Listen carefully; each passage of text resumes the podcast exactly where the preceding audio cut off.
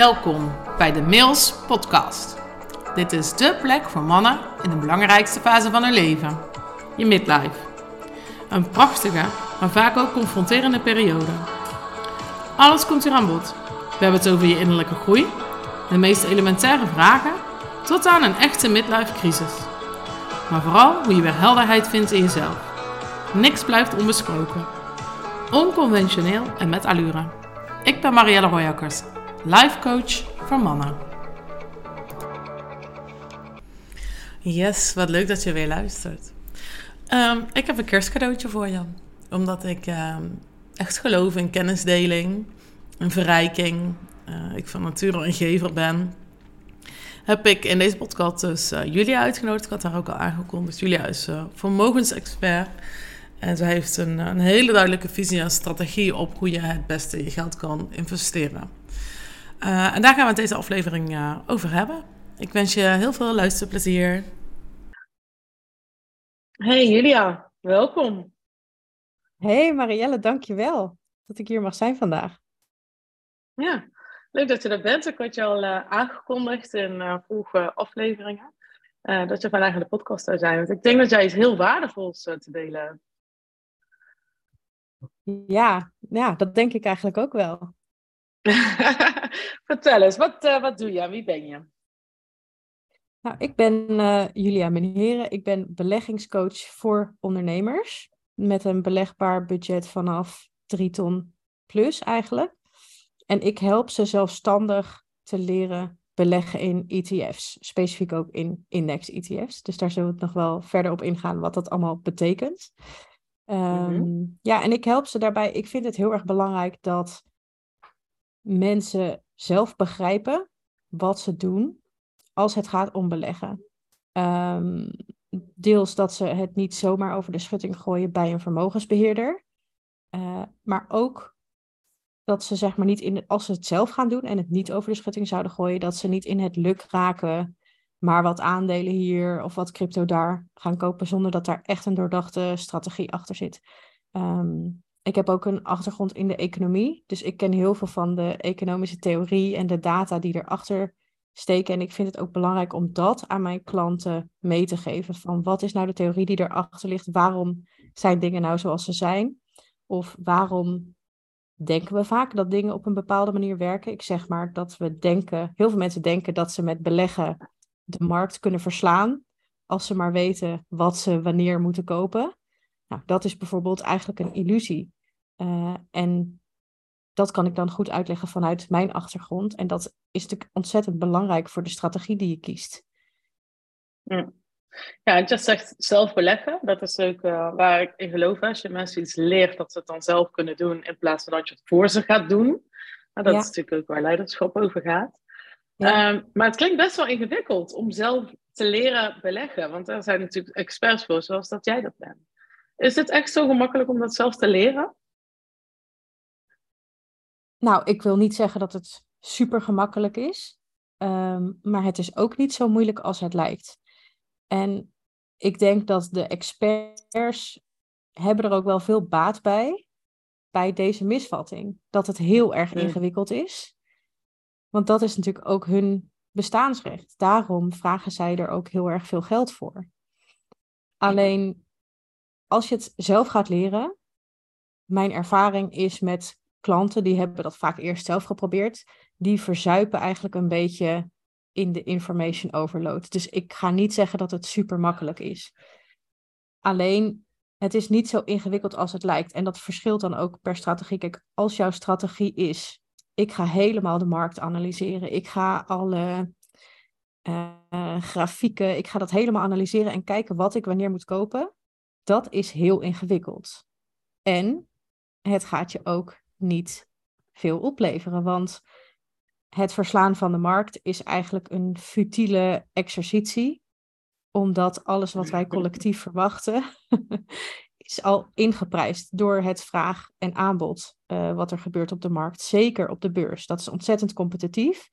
Dus wat wij allemaal verwachten over de toekomst, alles wat wij weten, dat wordt eigenlijk door vraag en aanbod al in de prijs verwerkt. Dus wil jij de markt kunnen verslaan met je slimme technische analyses en weet ik wel niet wat, dan moet jij eigenlijk superieure informatie hebben of verwachtingen ten opzichte van anderen. Nou, dat is, vind ik niet realistisch. Dat is voor professionals niet realistisch, maar ook niet voor individuen. Je ziet ook dat zelfs de meeste beleggingsprofessionals de markt in de markt benchmark niet eens halen, omdat ze zoveel handelen in dat proberen de markt te verslaan.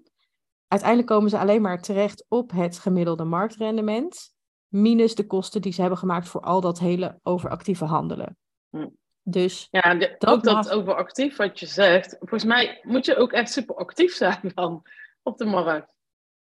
Ja, en al ben je super actief, dan nog waar het dan vaak beslecht wordt, zijn dan vaak in van die nanosecondes dat jij net langzamer of sneller was dan een ander. Moet je dan ook weer superieure technologie voor hebben. Het is gewoon niet heel erg realistisch. Kijk, wat wil je dan gaan doen? Ga jij dan beter dan een ander technisch analist uh, een jaarrekening uitpluizen? Haal jij daar dan iets anders uit wat de markt er nog niet heeft uitgehaald? Waardoor jij ziet dat dat aandeel ondergewaardeerd wordt en dus een goede deal. Dat vind ik voor publieke informatie, wat al die jaarrekeningen zijn. Dat is namelijk waar het over gaat op de beurs. Dat zijn allemaal publieke bedrijven waar iedereen toegang heeft tot alle informatie. Het is gewoon niet realistisch dat jij als individu en zelfs niet als professional daar continu over de lange tijd elke keer de markt mee weet te verslaan. Elke keer de markt te slim af bent. Dus mijn conclusie is dan, en dat delen heel veel met mij, alleen dat is gewoon niet zo'n populaire visie, dat je gewoon het dan ook niet eens hoeft te proberen. Waarom zou je het proberen als het toch een futiele exercitie is, terwijl je ook een heel goed rendement kan halen als je de markt volgt? Want dat is ook ja, want dat is dan de vraag inderdaad. Wat ga je dan wel doen? Wat, wat leer jij jouw klanten dan? Ja, ik leer ze heel gespreid beleggen door middel van index-ETF's. En het gespreide beleggen, dat zeg ik omdat je daarmee die markt gaat volgen en daarbij een marktconform rendement gaat halen. Nou, wat is dan marktconform? Dat ligt ook echt aan de portefeuille die je kiest. Maar neem als voorbeeld de Standard Poor's 500. Dat is een index uh, met de 500 grootste Amerikaanse bedrijven. Die wordt vaak gebruikt als market benchmark. Die heeft gemiddeld over de afgelopen 100 jaar 11,8% rendement gehad. Nou, als jij gaat beleggen en je trekt daar nog wat van af, uh, zeg voor kosten, zeg voor belasting, en je komt dan uit op een marktconform rendement van 10%, ik zeg maar iets. En je gaat daarmee samengestelde rente op rente op rente pakken over de jaren heen, dan krijg jij een heel mooi lange termijn rendement. Oké, okay. zullen we even een stapje terug doen? Want jij um, hebt een hele specifieke uh, tak van sport gekozen waar jij echt in gelooft. Maar ik wil toch even aanhaken op waar veel van mijn klanten het dan over hebben. En veel van mijn klanten die, uh, die investeren in vastgoed. En die vinden bijvoorbeeld crypto heel erg interessant. Nou, ik hoor jou helemaal niet over crypto. Wat is jouw visie daarop? Ja, goede vraag. Ik hoor heel veel over crypto en ik heb daar zeker ook een visie op. Um, ik denk dat crypto is een hele risicovolle investering. Waar je in kunt stappen, hè, als dat is wat je wilt. Dus het heeft, het heeft heel veel potentieel, maar ook heel veel risico. Ik vind het mhm. nogal wat dat mensen daar een heel groot deel van hun vermogen in stoppen. Het is haast nog, het is haast meer normaal dat je in crypto gaat dan dat je een gespreide portefeuille aanhoudt op de beurs. Nou, waardoor komt dat nou? Nou, ik denk in corona is er heel veel aandacht gekomen voor beleggen. Is het ook heel erg goed gegaan uh, met crypto af en toe. Nou, nu is het weer in de min en dan hoor je mensen ook weer wat minder. Um, maar er is een soort van vibe ontstaan dat dat best de norm is en dat het heel normaal is om daarin te beleggen.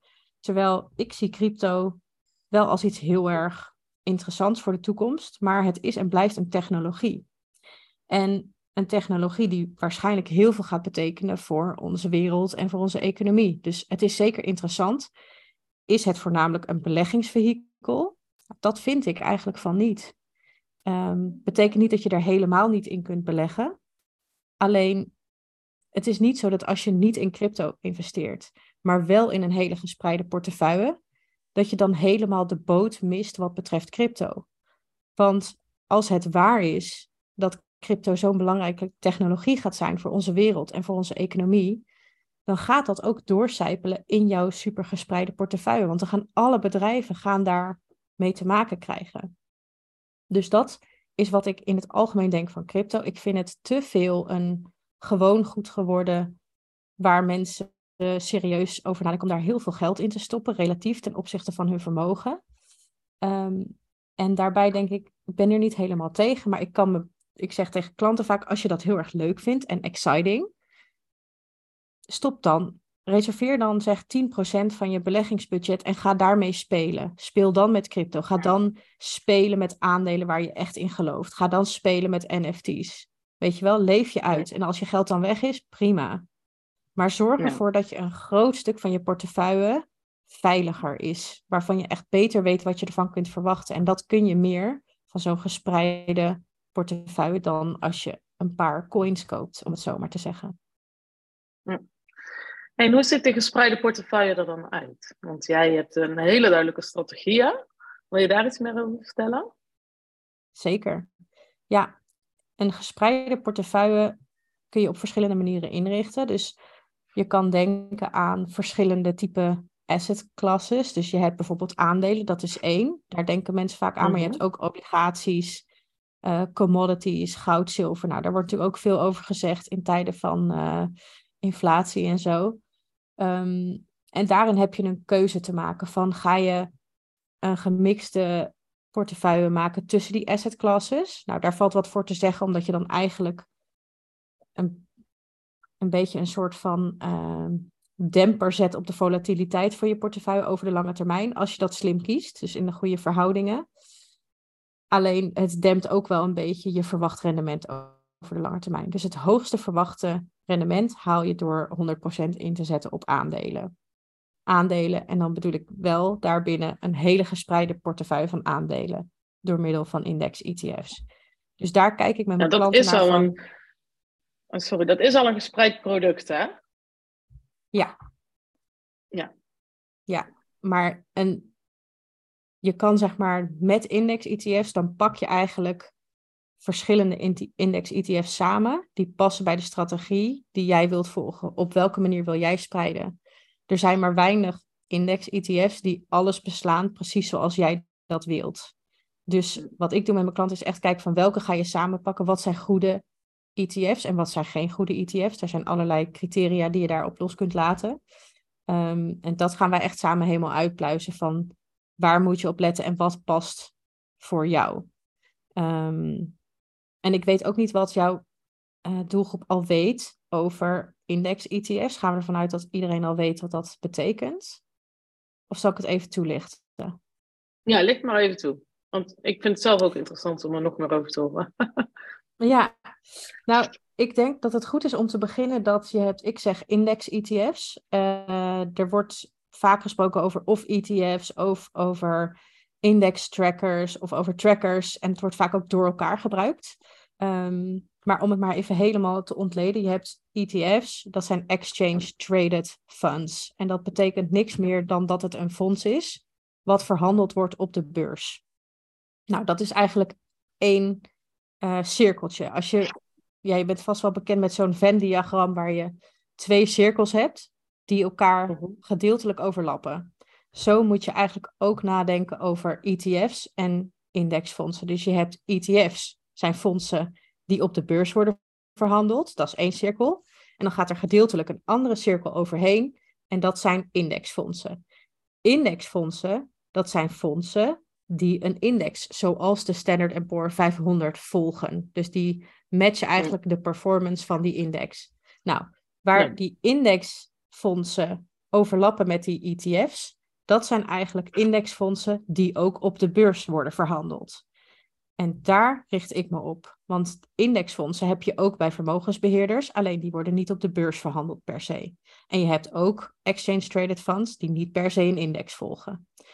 Dus ze zijn niet per se hetzelfde. Maar waar ze elkaar overlappen, dus waar het gaat over index, ETF's, dus indexfondsen die op de beurs worden verhandeld, daar zit eigenlijk het goud. Want daar kun jij zelf gaan handelen met aandelenmandjes. En ik bedoel handelen ik, ik ben van buy and hold. Dus kopen en dan voor de lange termijn vasthouden. Maar hier kun je zelf mee aan de slag en zelf een gespreide portefeuille maken. Dat je niet zelf de beurs op moet en honderden aandelen bij elkaar moet gaan zoeken in de juiste verhouding. En dat ook zo houden.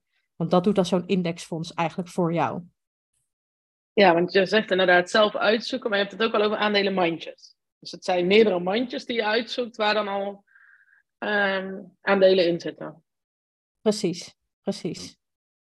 En hoe lang zet je die dan vast? Want het is een lange termijn strategie, hè? Ja. Nou, het staat, ten eerste staat het nooit vast. Dat is fijn om te weten, dus je kan het er altijd uithalen. Uh, maar de intentie is wel dat je het echt voor de lange termijn erin stopt. Dus kijk, hoe langer je het vasthoudt, hoe hoger je rendement. En dat is niet lineair, maar dat is exponentieel, doordat je rente op rente op rente pakt. Ja. Um, dus ik zeg altijd, als je het geld denkt nodig te hebben binnen een paar jaar, en het heel erg veel uitmaakt dat dat precies het bedrag moet zijn wat je erin hebt gestopt, ja, dan moet je het misschien buiten uh, gewoon op een spaarrekening houden. Want je kan niet voorspellen wat, je, wat er volgend jaar gebeurt. Ook dit jaar, dit was natuurlijk een rampzalig jaar, dit jaar kun je zomaar 20% in de min staan. En dat is wel zuur als je dan je uh, beleggingen eruit moet trekken. Als je het geld nodig hebt, ja. Precies, precies. En dat wil je eigenlijk voorkomen. Als je zegt, nou, ik weet gewoon dat ik het voor de komende jaren kan missen, stop het er dan vooral in. Want dan kan dat rente-op-rente effect gaan werken. En of dat nou 10, 20, 30, 40, 50 jaar is, ja. Uh, dat maakt zeker uit. Want hoe langer het erin blijft staan, hoe meer rendement je pakt. Wat ook belangrijk is, is dat het gaat om met welk doel ga je beleggen. Want als jij met als doel gaat beleggen dat je er op een gegeven moment pensioeninkomen uit wilt halen, dan hoef je niet per se, afhankelijk van hoe je dat fiscaal insteekt, hoef je niet per se op één datum al je geld eruit te pakken. Maar kun je alleen maar een stukje eruit pakken en kan de rest door blijven renderen. En dat is super interessant. Ja, absoluut. En wat leer jij dan jouw klanten? Want je wil ze dit vooral zelf leren. Je zegt je kan zelf gaan, gaan uh, handelen. Uh, Hoe actief moet je daar dan in zijn? Helemaal niet. Dus handelen, dat is eigenlijk een verkeerd woord als ik dat gebruik. Uh, je moet daadwerkelijk wel echt wat gaan kopen. En dat is natuurlijk handelen. Maar wat ik mijn klanten niet leer, is wanneer je wat moet uh, kopen of verkopen. Het gaat er echt om, je gaat je portefeuille inrichten. Dus zeggen, oké, okay, ik ga zoveel stop ik in aandelen ETF's, zoveel in uh, commodities ETF's, zoveel in obligatie ETF's. En het hoeft niet voor iedereen hetzelfde te zijn. Vervolgens ga ik met ze kijken, oké, hoe ga je dat dan inkleden met de ETF's die daarbij passen? Uh, je kan bijvoorbeeld ook kijken, wil je een stukje duurzaamheid erin stoppen, ja of nee? Nou, dus dan ga ik ze met hen hun portefeuille eigenlijk ontwerpen. En mhm. vervolgens krijgen ze van mij een tool waar ze die portefeuille inpluggen als het ware. Dus dan zeggen ze zoveel procent moet die ETF zijn, zoveel procent moet die ETF zijn. Nou, en dan kun je in die tool kun je ook zeggen, dit is mijn budget voor vandaag, als ik vandaag dit ga implementeren.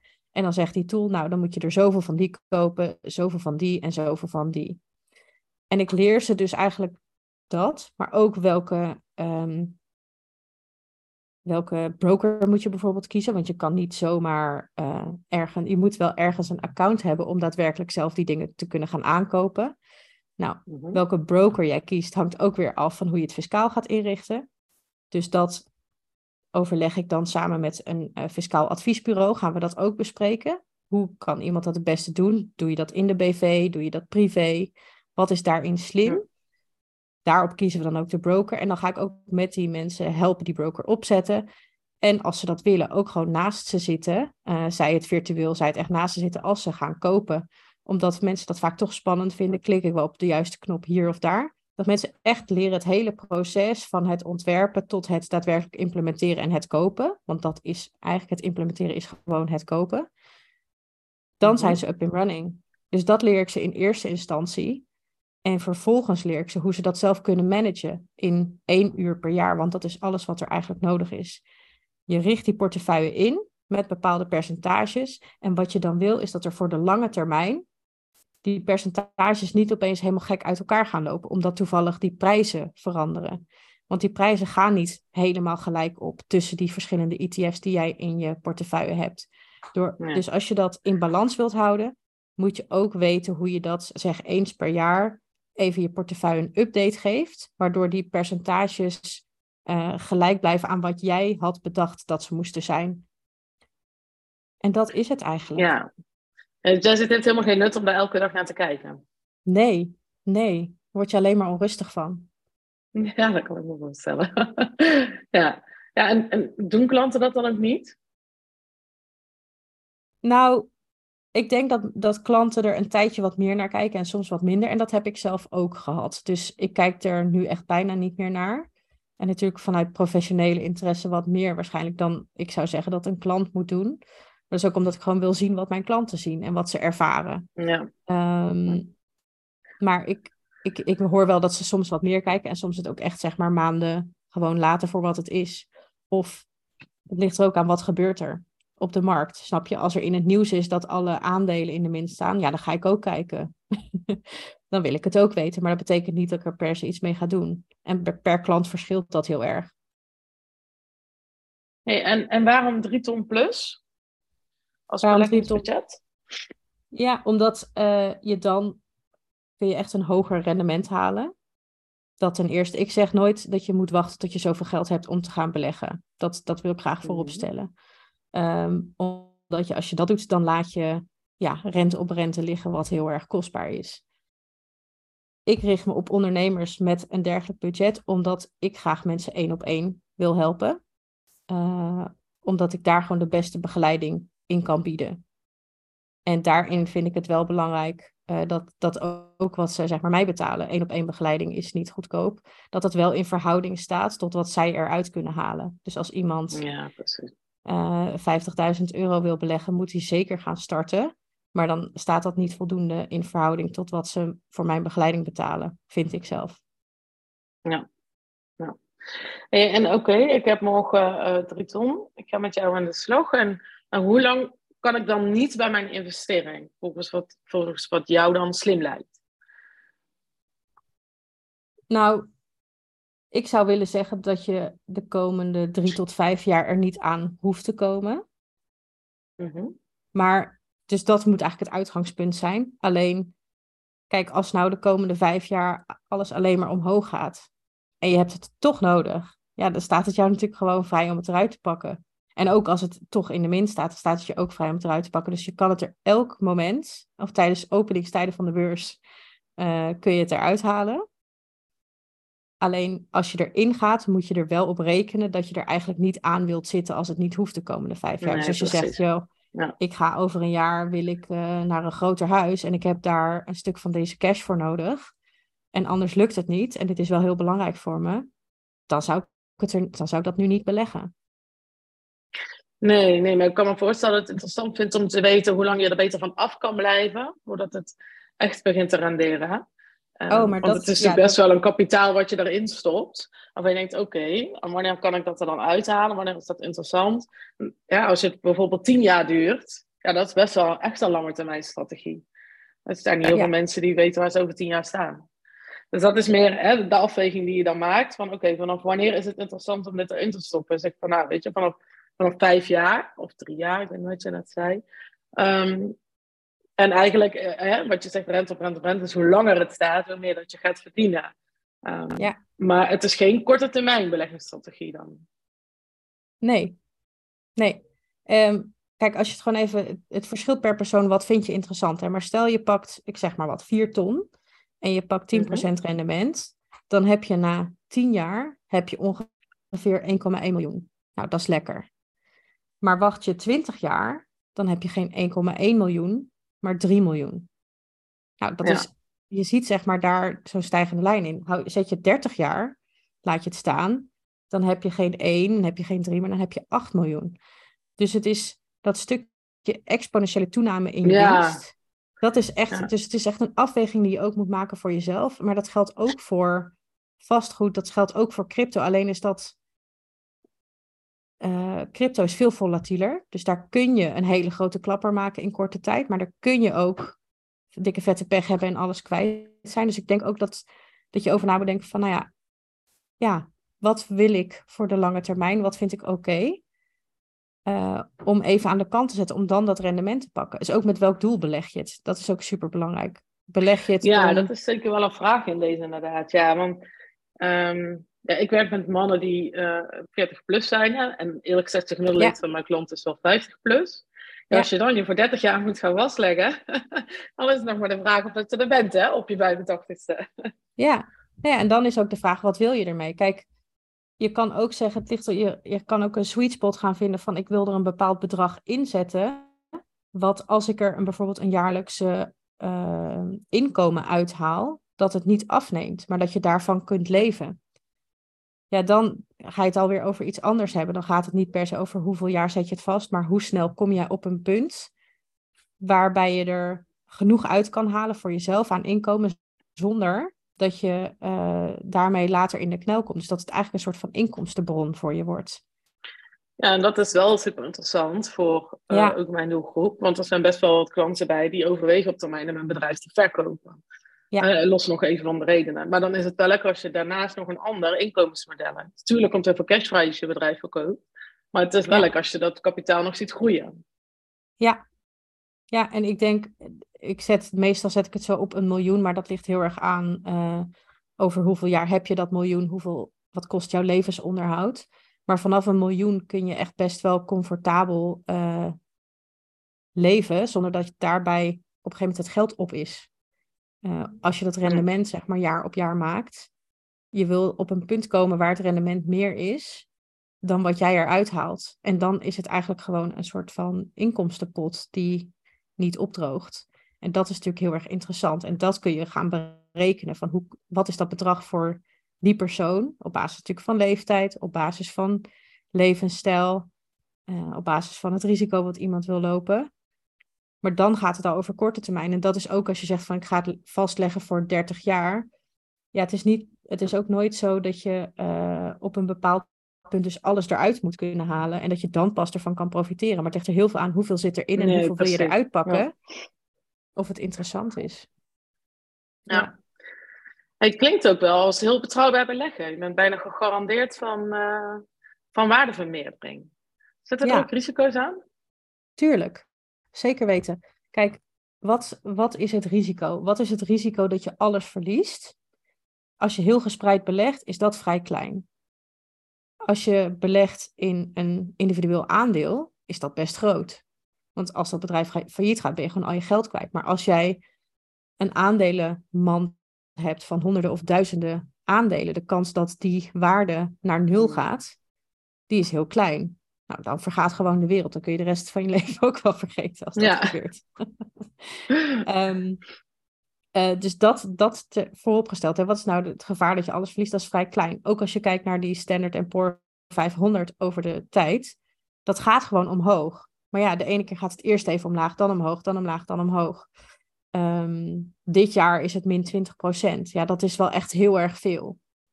Maar ja, dat, als dat heel erg veel is, het is niet vaak zo dat het, uh, dat het veel meer is dan dat. Dus er zitten zeker risico's aan. Uh, en die risico's mhm. zijn groter als jij het voor de korte termijn belegt. Want dan, heb je, dan is er een groter risico dat je dus je geld nodig hebt uh, op een moment dat, dat jij in de min staat. Ten opzichte van hoe je bent begonnen.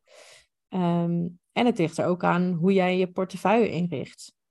Um, ik zeg ook, ga, kijk, in principe zijn ETF's hartstikke veilig. Er zijn bedrijven die richten die ETF's op. Als die failliet gaan, dan ben jij niet je geld kwijt, want die ETF's worden apart ondergebracht. Dus dat is goed beschermd. Dus daar zit niet zoveel risico. Maar ik vind het zelf toch een prettig idee om daarbinnen alsnog te gaan spreiden. En niet alles op één paard te wedden. Um, dus ja, er zitten zeker risico's aan, maar het is veel minder risicovol dan als jij op individuele aandelen in gaat zetten. Omdat je gewoon nooit weet bij individuele aandelen waar die goudklompjes zitten.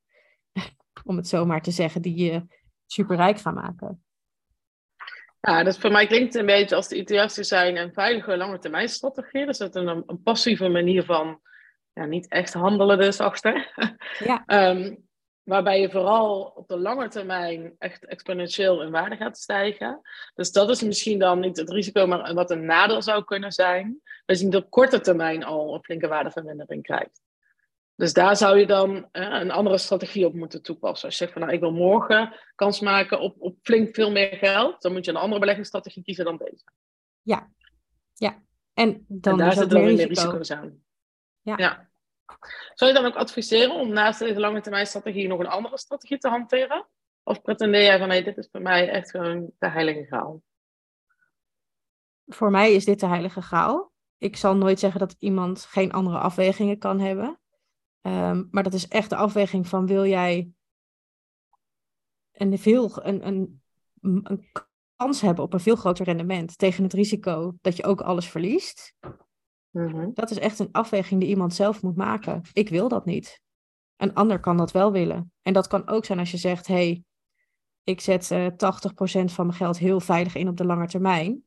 Maar ik vind het toch leuk en dan ben ik helemaal goed. Als ik dat met dat geld weet ik zeker dat het goed komt. En heb ik nog 20% waar ik gewoon lekker mee kan spelen. Nou, en als dat opeens een dikke klapper oplevert, dan is dat lekker meegenomen. En als ik alles verlies, dan is er ook niks aan de hand, want dan heb ik nog die lange termijn gespreide portefeuille. Dat vind ik wel een gezonde benadering. Ja. ja, ik vind sowieso uh, lange termijn en minder risico's een hele fijne benadering. Ik ben inderdaad ook zo iemand die uh, ook wel van echt van veiligheid houdt. Zeker als het over zoveel geld gaat. Ja, ja. en tegelijkertijd ja. snap ik ook van ondernemers dat ze graag, ja, dat zijn ook mensen die kansen zien. En natuurlijk meer risico's durven nemen dan de gemiddelde persoon. Dus ja, daar moet je vaak ook wat mee met die uh, drang. Ja, zeker als er ook gewoon een groter belegbaar budget is. Hè? Dan, uh, dan is net gezegd, dan kun je ook gewoon de strategieën naast elkaar voeren. Hey, en wat ik nog wilde vragen, hoe denk je dan uh, ten opzichte van vastgoed? Want veel van mijn klanten zitten wel in het vastgoed uh, qua investering. Hoe denk je daarover?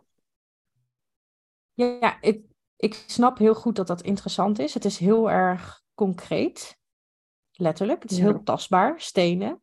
Um, als je kijkt naar de lange termijn rendementen dan is het maar net waar je naar kijkt. Dus je hebt zeg maar commercieel vastgoed, je hebt natuurlijk de woningmarkt. Het is ook maar net hoe je het zelf financiert. Ehm, en het kan best wel complex zijn. Ik denk, wil je in vastgoed succesvol beleggen, dan moet je echt weten wat je aan het doen bent. Ehm, en dan moet je daar ook echt wel mee bezighouden. Dus wat ik doe met een uur, één keer een uur per jaar, dat zie ik niet zo voor me met vastgoed. Dat je daar succesvol in kan zijn en er heel weinig omkijken naar hebt. Ik denk dat het daar ook een kwestie is van geluk of niet geluk hebben en echt van expertise en dat je er veel ja, arbeid, uh, je, of je moet het uitbesteden of je moet zelf er echt heel veel effort in stoppen om te weten uh, waar je moet gaan zitten. Wij hebben het ook overwogen op een gegeven moment. Um, toen, we ons, uh, toen we gingen verhuizen of we ons andere huis niet wilden aanhouden als belegging. En we hebben toch gezegd, ja, wij hebben hier echt geen kaas van gegeten. Uh, dus best wel risico als je het dan ook weer met um, een uh, zakelijke hypotheek financiert. Toen gingen ook de huren, was net corona. Alle expats verdwenen uit Amsterdam. Ja, er gebeurde opeens best wel veel, wat het helemaal niet zo'n um, inkopper maakte om dat te doen, vond ik. Ten opzichte van wat nee, ik al ja, deed met ETF's. Uh, alles wat ik ja. hoor zeggen, dat hoor ik ook bij klanten terug. ook inderdaad het onderhoud ervan. Hè? Zolang je die panden in beheer hebt, moeten die panden onderhouden worden of verhuurd worden. Huurcontracten, mensen die erin zitten. Dus alles wat erbij komt kijken. Hè? Dus uh, ja. dat is, het is tastbaar, maar inderdaad ook complex. Ja. Maar wel wat gemakkelijker om zelf op in te stappen als je nog niet zoveel kaas gegeten hebt van beleggen. Um, want dat is dan inderdaad de volgende vraag die ik heb. Waarom zou je het met jou doen zelf gaan leren en waarom zou je het niet gewoon uitbesteden? Nou, ik denk ten eerste, als je het hebt over, het gaat natuurlijk bij jou ook veel over leiderschap. Ik denk, als je het uitbesteedt, om het niet zelf te hoeven leren, dan gooi je het eigenlijk ergens over de schutting. En dat kan. Maar als het gaat over een aanzienlijk stuk van je vermogen, vind ik dat best wel riskant. Want ik denk, niemand begrijpt jouw belangen zo goed als jij dat zelf doet.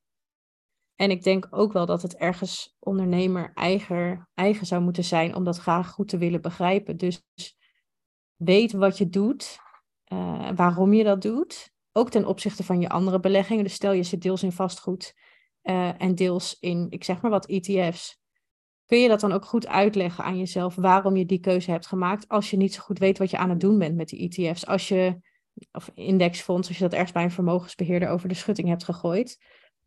Ja, als je dat niet goed begrijpt, is dat dan wel op de juiste manier doordacht voor jou persoonlijk? Dus ik vind het goed, en dat zie ik ook vaak bij klanten, die willen het gewoon zelf heel goed begrijpen waarom het is zoals het is. Kunnen ze zelf ook beter de risico's inschatten? Dus dat ten eerste. Maar niet onbelangrijk is ook een kostenaspect. Want als je naar een vermogensbeheerder gaat, die misschien dezelfde resultaten haalt, niet beter, want zij kunnen ook de markt niet verslaan. Je betaalt daar wel goed geld voor. En dat klinkt vaak als heel weinig, want het is dan uh, nou rond de 1% van je belegde vermogen per jaar. Maar dat kun je gewoon linea recta aftrekken van je rendement. Dus als je anders 10% had gehad, heb je nu 9. Nou, als dat nog niet indrukwekkend genoeg klinkt, uh, op zo'n 30 jaar kan dat oplopen tot een kwart van je winst. Nou, en als je het dan hebt over 8 miljoen en daar een kwart van, dan denk ik, ja, ja. goedemorgen. als je dat even terugrekent naar die paar uur die je er dan in uh, had moeten stoppen, is dat het vaak wel waard. En ook bij vermogensbeheerders ben je er ook wel een uur per jaar of zo mee kwijt om even te horen hoe het gaat en te kijken hoe het zit. denk ik, ja, doe het dan zelf. En steek die 2 miljoen in je eigen zak. Ja, en uiteindelijk past dat ook gewoon bij ondernemers. Hè? Die willen ook gewoon zelf risico's kunnen inschatten. Zelf de leiding inderdaad nemen en begrijpen wat er gebeurt. Ja. En als ik jou zo hoor, dan is het dus ook maar... Ik denk dat je wat, echt al wat tijd kwijt bent bij het inrichten samen. Omdat je het inderdaad moet leren, moet begrijpen. en jouw strategie moet kiezen. Um, ja, en het dus gaan verdelen. En vervolgens is het inderdaad, klinkt het alsof het gewoon, ja, omdat het zeker passief op lange termijn is, dat je daar dus niet te vaak aan, aan die knoppen moet gaan draaien. Nee, dat zou ik ook zeker niet doen. En in de beginfase zou ik zeggen 10 tot 15 uur max. Kijk, ik maak er ook een punt van om het heel effectief te doen. Dus niet alles erbij te halen wat je er maar bij kan halen, maar waar gaat het nou om? Gewoon tot de kern komen. Dit moet je weten, dit moet je begrijpen. En nu gaan we gewoon je portefeuille ontwerpen up and running krijgen. Zo snel mogelijk. Hey, als, ehm, als de luisteraars nadenken, nou, dit vind ik echt super interessant. Wat kan jij ze dan bieden? Nou, Hoe ziet dat eruit met jou samenwerken? Ja, dan heb ik mijn rente-op-rente traject. Dat is mijn één op één traject voor uh, ondernemers. En wat we dan doen eigenlijk is een jaar samenwerken. Nou, dat klinkt heel lang. Uh, maar dat, dat jaar is er eigenlijk vooral voor om ook die eerste fase als belegger te begeleiden. Dus gaan we eigenlijk in de eerste twee maanden zit het zwaartepunt. Daar gaan we echt alles up and running krijgen. Dus dan beginnen we met de theorie, uh, het maken van je vermogensplan. Dat gaan we toetsen met het Fiscaal Adviesbureau om te kijken wat slim is voor jou om te doen. Dan gaan we je broker account opzetten. Dan gaan we jouw portefeuille echt vormgeven. Dus kijken van welke ETF's moet je erin hebben. En dan gaan we het gewoon implementeren, dus kopen. Dus dan heb je het binnen één of twee maanden, afhankelijk van jouw planning, want dat is gewoon uh, custom, heb je het up and running. Daarna laat ik eigenlijk iemand alles een beetje vergeten, expres. Want dan wil ik eigenlijk dat je even er niet te veel mee bezig bent. Om dan een paar maanden later zelf even te kijken of je het helemaal zelf kan dat herbalanceren. Dus zonder mijn hulp kun jij dan zelf dat herbalanceren doen? Ja, great. Nee, nou dan help ik je nog even. En dan aan het einde van het jaar blikken we even terug van hoe is het nou gegaan? Wat vind je eigenlijk nog van je portefeuille? Want dat kan ook zich ontwikkelen in zo'n jaar. Dat heb ik bij mezelf gezien en bij klanten. Dat mensen denken, nou, ik kan iets meer risico aan. Misschien wil ik wat aanpassen. Uh, dus daar kijken we onder andere naar. En we blikken natuurlijk vooruit. Nou, en heb je in al die tijd daartussen, ga ik niet elke week met jou bellen, want wat hebben we te bespreken? Maar is het meer van, als jij ziet dat de markt omlaag gaat en je vindt het spannend, dan bel je me wel. Want wat we willen voorkomen is dat je in paniek raakt en, en ziet dat alles 20% omlaag is en dat je dan alles gaat verkopen. Dat is natuurlijk hartstikke een dure fout uh, om te maken. En daar ben ik voor, om eigenlijk dat zelfvertrouwen in jezelf als belegger te verankeren in dat jaar. Dus daar sta ik on standby. En als iemand nog een verdieping wil, bijvoorbeeld die zegt, nou ik wil toch nog wat dieper induiken bij die obligaties, nou dan doen we dat. En als je dan met jou start en je hebt zeg maar vier ton, uh, beleg je dan die vier ton in één keer of doe je dat door de maanden heen met jou? Nou, dat laat ik aan de persoon zelf. wat ik dan zou zeggen is, als je kijkt naar het verwachte rendement, wint direct alles uh, erin stoppen het van het spreiden, zoals je dat noemt. Dat wordt ook wel dollar cost averaging genoemd. Alleen dat dollar cost averaging, dus dat spreiden in de tijd, doet het niet zoveel slechter dan alles in één keer beleggen. Dus het kan best wat comfort geven om dat een beetje te spreiden. Alleen hoe langer je natuurlijk geld uit je beleggingen houdt en op je spaarrekening, hoe minder het ook kan renderen. Dus dat is een afweging die je moet maken. En het kost natuurlijk meer tijd als je twaalf keer uh, in een jaar dat gaat beleggen versus als je het één keer doet. Nou ja, ik kan me voorstellen, op het moment dat je het nu niet belegt, dat je van nou, ik start hiermee, kijk even hoe het voelt en hoe dat gaat. En dan zeg ik, nou, het voelt hartstikke goed. Over vier maanden komen we weer eens bij elkaar en dan durf ik de rest er ook in te stoppen. Ja, dat is prima. Als iemand daarvoor kiest, dan doen we dat. Ja. Hey, en dan uh, een vraag die veel mensen denk ik ook wel interessant vinden. Wat kost het om met jou een jaar samen te werken? Vanaf 42.000 euro. Ja. Ja. En dan krijg je het volledige jaar waar je het net over had. Ja. Ja. Ja, dat lijkt me nou een super waardevolle investering. Waar kunnen, waar kunnen mensen jou vinden? Ze kunnen me vinden op LinkedIn. Vind ik super leuk om te connecten. En op mijn website uh, www.juliameneren.com. Maar is er nog iets wat je wilt toevoegen? Iets wat nog niet wel voldoende aan bod is gekomen? Nee, ik denk uh, dat we de belangrijkste dingen wel uh, hebben besproken. Ik, wat ik gewoon altijd als laatste eigenlijk echt nog wel mee wil geven, is dat het gewoon echt niet zo ingewikkeld is als het lijkt. Uh, en dat dat het belangrijkste is wat, wat mensen denk ik moeten onthouden, omdat dat ook vaak is waar crypto of vastgoed tegen afgezet wordt. Dat je denkt van ja, maar het is zo ingewikkeld en je haalt er helemaal niet zoveel rendement uit door op de beurs te gaan beleggen. Dus kies ik maar voor crypto, dus kies ik maar voor vastgoed. En ik denk dat is zonde, vind ik. Um, dus ik hoop ook dat we met deze podcast mensen er iets meer bewust van hebben gemaakt dat het niet zo ingewikkeld hoeft te zijn. Dat je ook daarin nou, jouw klanten, uh, jouw volgers misschien weer een meer bewuste afweging kunnen maken tussen de opties die er zijn. Ja, ik denk dat heel veel mensen dit interessant vinden. Als ik een beetje zo voor mijn klanten mag spreken. um, dat ze super interessant vinden. En dat we dit samen met jou op een veilige manier kunnen doen. En dat het inderdaad, uh, ik, las jouw post van vandaag nog even. Geen cowboyacties zijn. Maar echt strategische, wel overwogen besluiten. En die op een lange termijn renderen. Dus ja, ja ik vind het gewoon als, als een super slimme investering klinken. Uh, waar je misschien wel wat meer geduld voor moet hebben, meer strategie, maar wat je in die end veel meer oplevert. Naast ook gewoon rust en niet de stress te hebben van een aandelenmarkt of een cryptomarkt. Ja. ja, leuk dat je dat zegt. Ik denk ook, het gaat niet alleen om het directe rendement om de beurs, maar ook echt, als je zelf goed weet wat je doet, dan zul je ook minder snel gekke sprongen maken. En een dure fout maken, zoals uh, verkopen als alles op min 20% staat. En uh, dat is natuurlijk ook heel erg veel waard. Ja. Nou, ik vond het eigenlijk leuk dat je was. Ik vond het super interessant. Je hebt het heel goed uitgelegd. Dus ik, uh, ja, ik wil je bedanken voor vandaag. Nou, jij bedankt uh, dat ik hier mocht zijn. Yes. Uh, ik ga je gegevens delen in de informatie van de podcast, dat mensen bij jou uitkomen.